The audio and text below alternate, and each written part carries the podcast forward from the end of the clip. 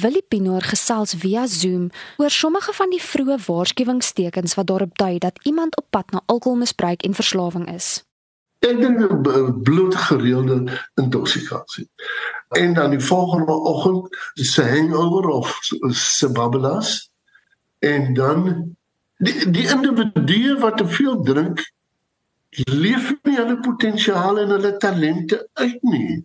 Daar's hulle hulle funksie funksionering daal. Hulle en en hulle is ongelukkig in hulle self en hulle raak geïrriteerd. 'n Mens moet dit besef dat as jou geliefde gereeld geïntoksikeerd is en hy babbelas is en dat daar onder die invloed van alkohol negatiewe dinge gebeur En as jou man of jou vrou dan gereeld dronk bestuur, uh, dan mag jy nie stil bly nie. Dan mag jy nie. 'n Mens moet nie beskuldig nie. 'n Mens moet nie hoop verloor nie.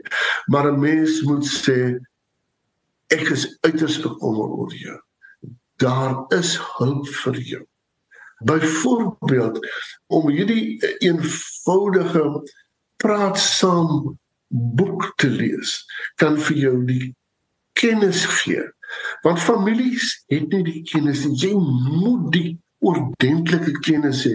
Jy moet al hierdie ou dwaalspoor stories en nonsens stories moet jy van ontslaa raak. En dan moet jy dan moet jy jy moet jy praat. Want die persoon wat alkohol afhanklik is moet eers herken daar is 'n probleem cage. Dan moet hy erken ek is binne in die cage.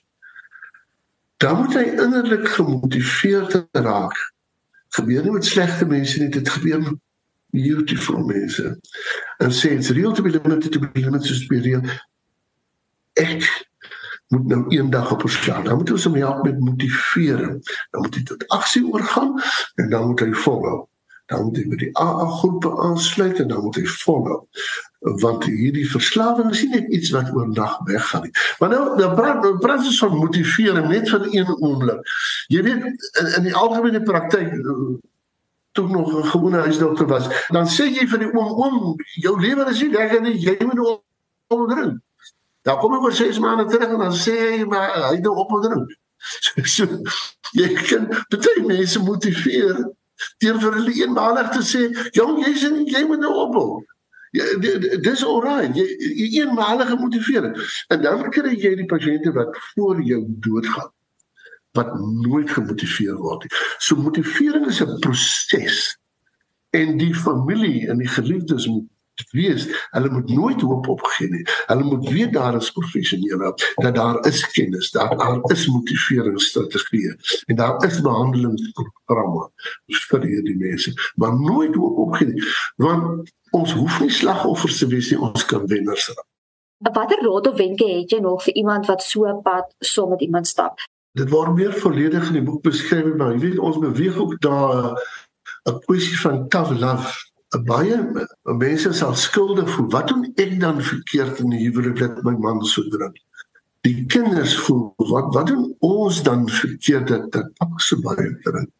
En die eerste ding wat ek vir hierdie geliefdes wil sê, dit is nie julle drink gedrag nie. Dit is pappa se drink gedrag, dis mamma se drink gedrag.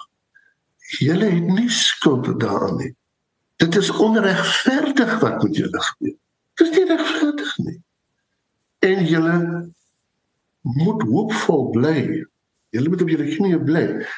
Maar daar is professionele hulp en daar is kennis betrokke, daar is behandelingsprogramme. Die die die die die die die die, die, die persoon wat afhanklik is moet uiteindelik die verantwoordelikheid neem en sê ek is magteloos teenoor God.